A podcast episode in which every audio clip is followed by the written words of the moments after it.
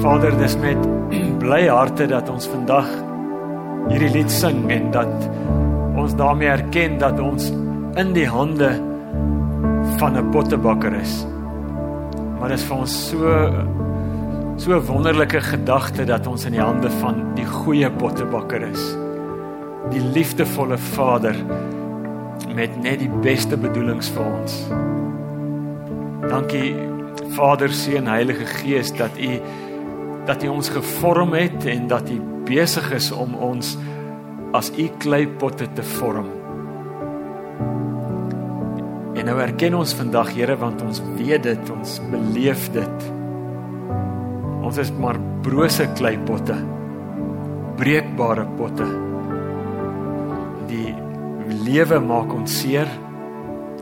Die lewe maak krake partykeer in hierdie klei kleipotte. Ek dink nie ek weet daar's nie 'n kleipot sonder krake nie. En partykeer Here maak ons onsself seer en veroorsaak ons die krake in in die kleipot wat ons lewe is. Maar dankie Here dat dat U so groot is en so goed is. Dat U selfs deur die krake die lig van U woord die lig van u liefde en die lig van u goedheid kan laat skyn. En as u wil Here kom kom laat iets van u lig en u liefde vanoggend ook en u waarheid deur hierdie gekraakte kleipot skyn. Amen. Ons lees twee gedeeltes uit die Bybel uit uit Lukas die 18de hoofstuk en van vers 9 af en dan kan julle saam blaai met my na Filippense die tweede hoofstuk toe. Filippense hoofstuk 2.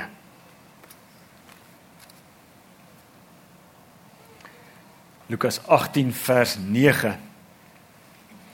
Met die oog op mense wat seker was dat hulle eie saak met God reg is en wat op ander neersien gesien het het Jesus hierdie gelykenis vertel.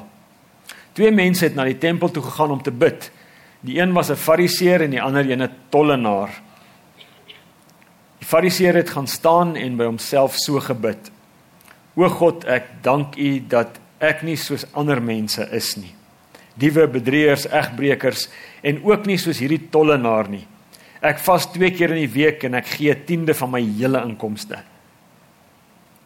Maar die tollenaar het daar ver bly staan en wou selfs nie na die hemel opkyk nie. Hy het bedroef op sy bors geslaan en gesê: O God, wees my sondaar genadig. Ek sê vir julle, hierdie man en nie die ander een nie, het huis toe gegaan as iemand wie se saak met God reg is. Hier is belangrik vers laaste gedeelte van vers 14. Elkeen wat hoogmoedig is, sal verneder word en hy wat nederig is sal verhoog word. En dan Filippense 2 vers 5 tot 8. Paulus praat hier oor Jesus en dan sê hy dieselfde gesindheid moet in julle wees, julle gelowiges wat daar ook in Christus Jesus was. Hy wat in die gestalte van God was, het sy bestaan op God gelyke wyse nie beskou as iets waaraan hy hom moes vasklem nie. Maar hy het homself verneder deur die gestalte van 'n slaaf of 'n dienskneg aan te neem en aan mense gelyk te word. En toe hy as mens verskyn het en mens verskyn as hierdie dienskneg mens, het hy homself verneder en hy was 'n dienskneg wat gehoorsaam was tot in die dood. Met ander woorde in alles gehoorsaam was. Ja, tot die dood aan die kruis. Ons lees net tot daar. Ek weet nie of een van julle al ooit gehoor het van 'n boek met die naam The Three Christs of Ypsilanti. Iemand al gehoor van die boek? Niemand nie. Dis eintlik 'n gevalle studie. 'n Sielkundige wat die boek geskryf het en die boek gaan oor 'n uiterste vorm wat mense noem die 'n uh, missie 'n Messias kompleks. Jy het al daarvan gehoor, né? Uh dis 'n uh, Die Messias kompleks is is die uiterste vorm daarvan is as mense regtig begin glo dat hulle God is. En hierdie boek The Three Christs, die drie Christusse van Ypsilanti gaan oor 'n gevalle studie van drie manne wat geglo het hulle is Christus. Nou, daar is 'n lang lang hele boek, maar daar's een ding in die boek wat ek gelees het wat vir my nogal opgeval het. En dit is hierdie drie manne was op 'n stadium het hulle saam met die sielkundige in 'n vertrek gesit in as deel van 'n poging tot terapie. En die eerste ene een, een van die manne het gepraat en hy het gesê ek is Christus. Ek is ek is deur God na hierdie wêreld toe gestuur en ek moet die mense kom help en ek moet die wêreld kom verander. En natuurlik in die terapie vra die sielkundige vir hom, "Maar hoe weet jy dit?" En sy antwoord was, "Ek weet dit want God het vir my gesê." Waarop een van die ander pasiënte antwoord ek het nooit so iets gesê nie. Ek het nooit so ding gesê nie. Nou wat hierdie hierdie is snaaks totdat jy onthou totdat ek onthou dat ons almal ly op een of ander manier aan hierdie siekte. Hierdie messiaanse kompleks. Dis om die waarheid te sê, dit daar's 'n daar's 'n woordjie wat alles te maak het met hierdie siekte. Met hierdie toestand, met hierdie houding. En die woordjie se naam is in die in die woordjie klink op die oog af totaal onskuldig. Jy sal dit nou sommer hoor as ek dit sê, maar dit is eintlik as ons mooi verstaan waaroor dit gaan, is dit 'n vernietigende houding, 'n vernietigende woord en die woord is trots trots is vernietigend. Dis dis om die waarheid te sê, ek weet nie of jy daar al daaraan gedink het nie, maar trots is die heel oudste sonde. Die heel eerste sonde wat gepleeg word is trots. Daar in Genesis Genesis 3 vers 4 en 5 lees ons dit. Wanneer die versoeking kom, dan sê die dan sê die bose, dan sê die versoeker, "Julle as jy van hierdie vrugte eet, Die vrug was nie die versoeking nie. As jy van hierdie vrug eet, weet jy wat gaan gebeur? Jy gaan soos God wees. So die oorsonde, die die sonde wat trots is, gaan daaroor dat mense nie wil wees wat hulle is nie. Dit gaan daaroor dat ons nie onder God wil wees nie. Dit gaan daaroor dat ons God wil wees in God se plek. Dat ons met ander woorde en dis 'n lewenslange ding by mense is ons druk onsself die hele tyd in die middelpunt van alles in. Ons ons wil en ons het hierdie begeerte dat die heelal en almal rondom my, selfs God, sal draai om my en my behoeftes en my begeertes en my verwagtinge. Die heelal draai rondom my. Trots die heel oudste sonde van alle sondes. En as jy nou gaan lees wat gebeur na na hierdie sonde gepleeg is, dan sien jy dat dit on, dat dit 'n onmiddellike effek het. Die gevolge daarvan is nie eers word nie eers later gesien nie, dis onmiddellik. Onmiddellik sien ons daar in Genesis 3 is daar is daar is daar verhoudings wat seer kry. Nie net seer kry nie, maar wat verwoes word. Die verhouding tussen God en mens word verwoes. Die verhouding tussen mense onder mekaar word verwoes. Daar's verwyte en net kort rukkie daarna is daar moord. Trotse effek is onmiddellik. Dis verhoudingsvernietigend. Want met trots is ons besig is ons besig om die hele tyd te vergelyk. Soos wat die Fariseer in Genesis ag en Lukas 18 gedoen het, is ons besig om onsself te vergelyk met ander mense. En die probleem met die vergelyking is, ons kom die meeste van die tyd in ons vergelyking bo uit. Soos die Fariseer, dankie Here, vers vers 9 sê hierdie gedeelte is geskryf, hierdie verhaal is vertel met die oog op mense wat gedink het hulle saak met God is reg en daarom het hulle neergekyk op ander. So on, in ons vergelyking kom ons die meeste van die tyd bo uit en as ons bo is, kyk ons neer op ander. En as jy neerkyk op ander, dan dan ontneem jy hulle hulle en God die regmatige plek in jou lewe. As jy trots ontneem ons die vermoë om lief te hê. En daarom loop trots en liefdeloosheid altyd hand aan hand. Dis ek weet nie of ek ek dink nee, dis nie dink nie, ek is oortuig daarvan dis onmoontlik om op iemand neer te kyk en die persoon lief te hê. Dit is onmoontlik om iemand met met weerstand en veragting na iemand te kyk of te dink ek is beter as hierdie persoon en die persoon lief te hê. Trots is verhoudingsvernietigend. Trots ontneem ons die vermoë om lief te hê. Trots dryf ons naaste, ons mense en God uit ons harte uit weg. Kom stel ons bokant God en bokant God se mense. En so kan mens nie lief hê nie. En daarom in, in die plek van trots kom leer Jesus vir ons 'n alternatief. In die plek van trots kom nooi Jesus vir jou en vir my as sy volgelinge, kom nooi hy ons tot 'n lewe van van nederigheid. Ons het gelees hier in vers 14. Daar staan as jy die wat trots is sal verneder word en die maar die wat nederig is sal verhoog word. Die Engelse vertaling sê dit amper sterker want die Engels in die Engelse vertaling klink dit soos 'n aksie.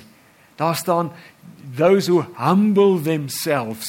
Hulle wat hulle self verneder, wat 'n wat iets doen om hulle self te verneder, hulle sal verhoog word. So so dit gaan oor iets wat ek moet doen. En die vraag is wat?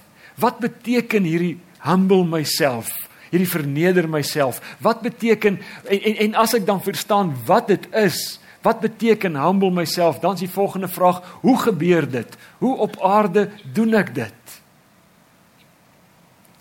Ek het 'n leidraad gekry daarvoor by 'n storieetjie weet nie wie van julle het al 'n um, 'n kinderopvoering gekyk nie baie van julle het al.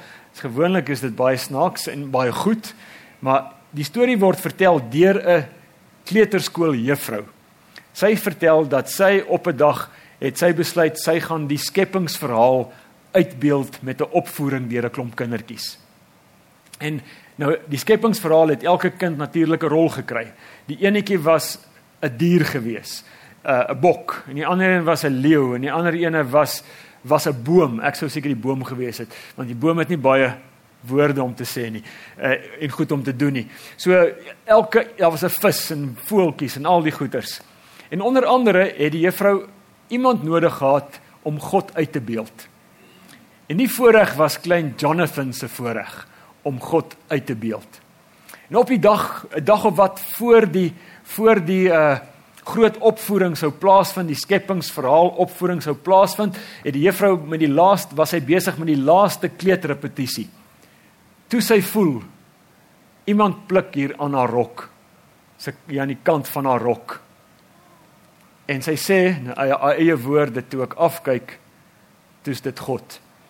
Toets dit klein Jonathan wat hier aan haar rokspand pluk. En Jonathan sê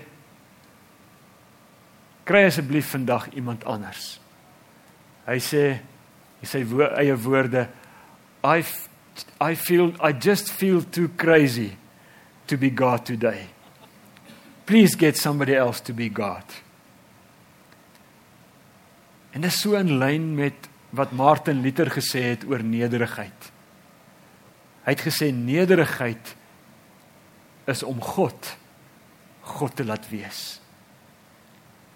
Nederigheid is is om God God te laat wees. Nederigheid is om is is om om die plek in die middelpunt van alles uit daai posisie uit te beweeg en te verstaan en toe te gee. Dis niemand anders as God se plek nie. Nederigheid sê iemand embraces the godness of God and embraces the humanness of self. Ek is nie God nie en ek moenie probeer soos God wees nie. En wanneer ek begin lewe op so 'n manier dat mense kan raak sien, hierdie persoon dink nie van hom meer as wat hy behoort te dink nie. Hierdie persoon is bewus daarvan dat hy nie God is nie, maar dat hy broos en swak is en dat hy nie die middelpunt vir hom toeëien nie. Dan kom ek by nederigheid uit. En die vraag is, hoe kom ons daarby uit? Hoe kry ons dit reg? Soos alles moet ons by Jesus gaan leer. Ons moet by Jesus gaan leer hoe om mens te wees. En dis die eenvoudige antwoord. Hoe kry ek dit reg om nederig te wees? Wees mens. Wees mens soos wat Jesus vir ons wil leer om mens te wees. Want jy sal onthou in in ons het dit gelees Filippense 2 Daar word daai selfde woorde van Jesus gebruik, dieselfde woorde wat daar in Lukas 18 vers 14 staan. Jesus het dit gedoen. Dis presies wat hy gedoen het. He humbled himself. Hy het homself verneder deur 'n mens te word. En die soort mens wat hy geword het, was 'n dienskneg. Onthou, dienskneg was nie by Jesus net 'n aktiwiteit nie. Dit was nie net 'n net 'n amp nie. Dit was wie hy was. Hy was die groot dienskneg. Die Engels praat van the ultimate servant. Dit is wie Jesus was. En toe hy nog as mens dienskneg homself verder verneder, om self verder gehumble deur gehoorsaam te wees in alles aan die Vader. So as jy wil weet hoe om hoe om 'n lewe van nederigheid te leef, gaan leer dit by Jesus. As jy wil leer hoe om mens te wees, gaan leer dit by Jesus. Hoor hierdie aanhaling, Jacques, wys net vir my asseblief. Die to humble oneself is to acknowledge God as Lord. Dis wat Jesus gedoen het and to obey as servant. Om te erken Hy is God en nie ek nie. En om in alles as dienskneg aan hom gehoorsaam te wees. En dan daai tweede deel van die aanhaling, the primary reason Jesus calls us to servanthood is not just because other people needs our service. It's because of what happens to us when we serve.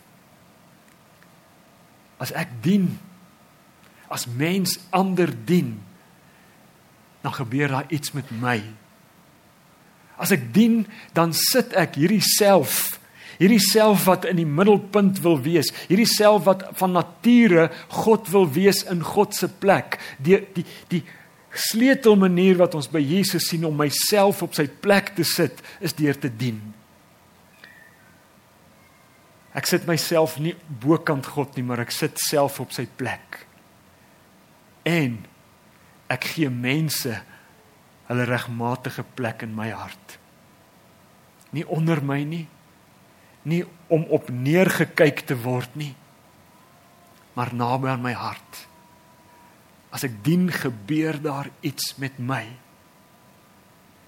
En ek het net nou gesê Ons praat van 'n leefstyl, 'n lewe van nederigheid, nie net 'n af en toe 'n poging tot nederigheid nie. En so gaan dit ook as diens dan ons help om by 'n plek 'n lewe van nederigheid uit te kom, dan moet ons ook praat van 'n lewe van diens. Nie af en toe aktiwiteite, georganiseerde diensaktiwiteite nie, maar 'n lewe van diens. Een van die beste maniere wat vir ons help om 'n lewe van diens in te oefen, is wat John Ortberg noem the ministry of the mundane. My beste Afrikaanse vertaling is die bediening van die doodgewone. Die bediening om doodgewone dinge te doen vir ander mense. En die beste plek, een van die beste plekke om dit te doen, hierdie bediening van die doodgewone As ek dink jy sal kan raai wat dit is. Dis in die huis. Daar waar jou mense saam met jou lewe. Hierdie doopouers weet iets daarvan want doeke moet baie keer geruil word. Die bediening van die doodgewone.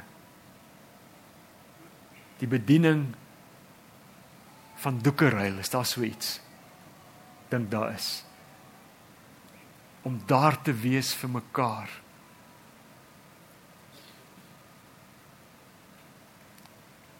Nie af te kyk nie, maar in die oë te kyk en daar te wees.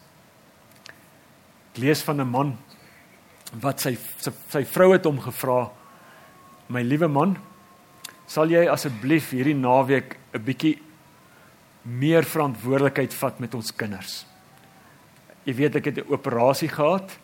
Ek's nie op my stukke nie, sal jy 'n bietjie meer verantwoordelikheid vat met ons kinders? Sy antwoord was: "My vrou, ek sal so graag wou, maar ek gaan 'n mannekamp die naweek bywoon."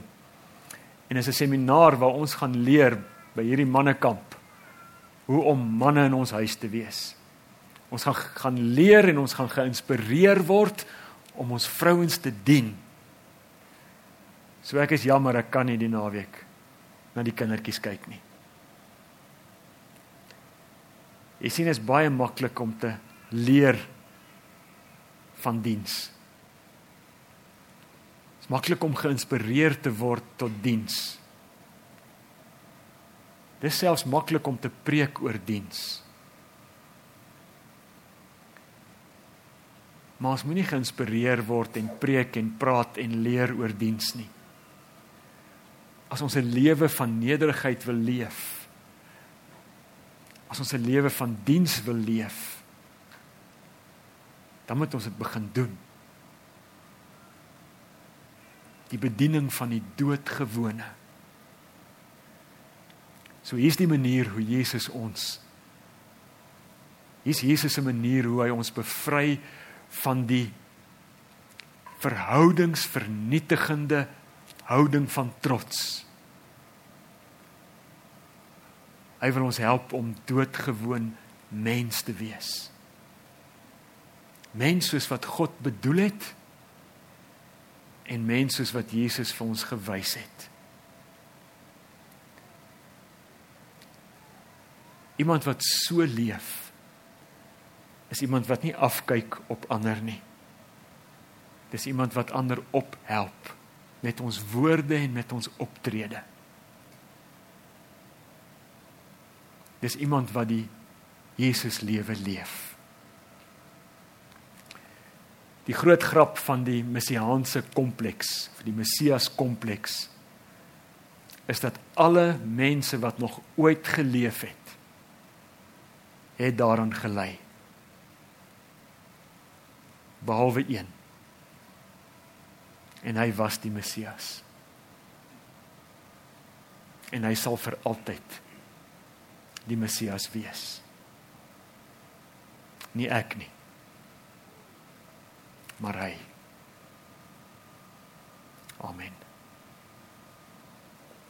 As geleentheid vir stil gebed.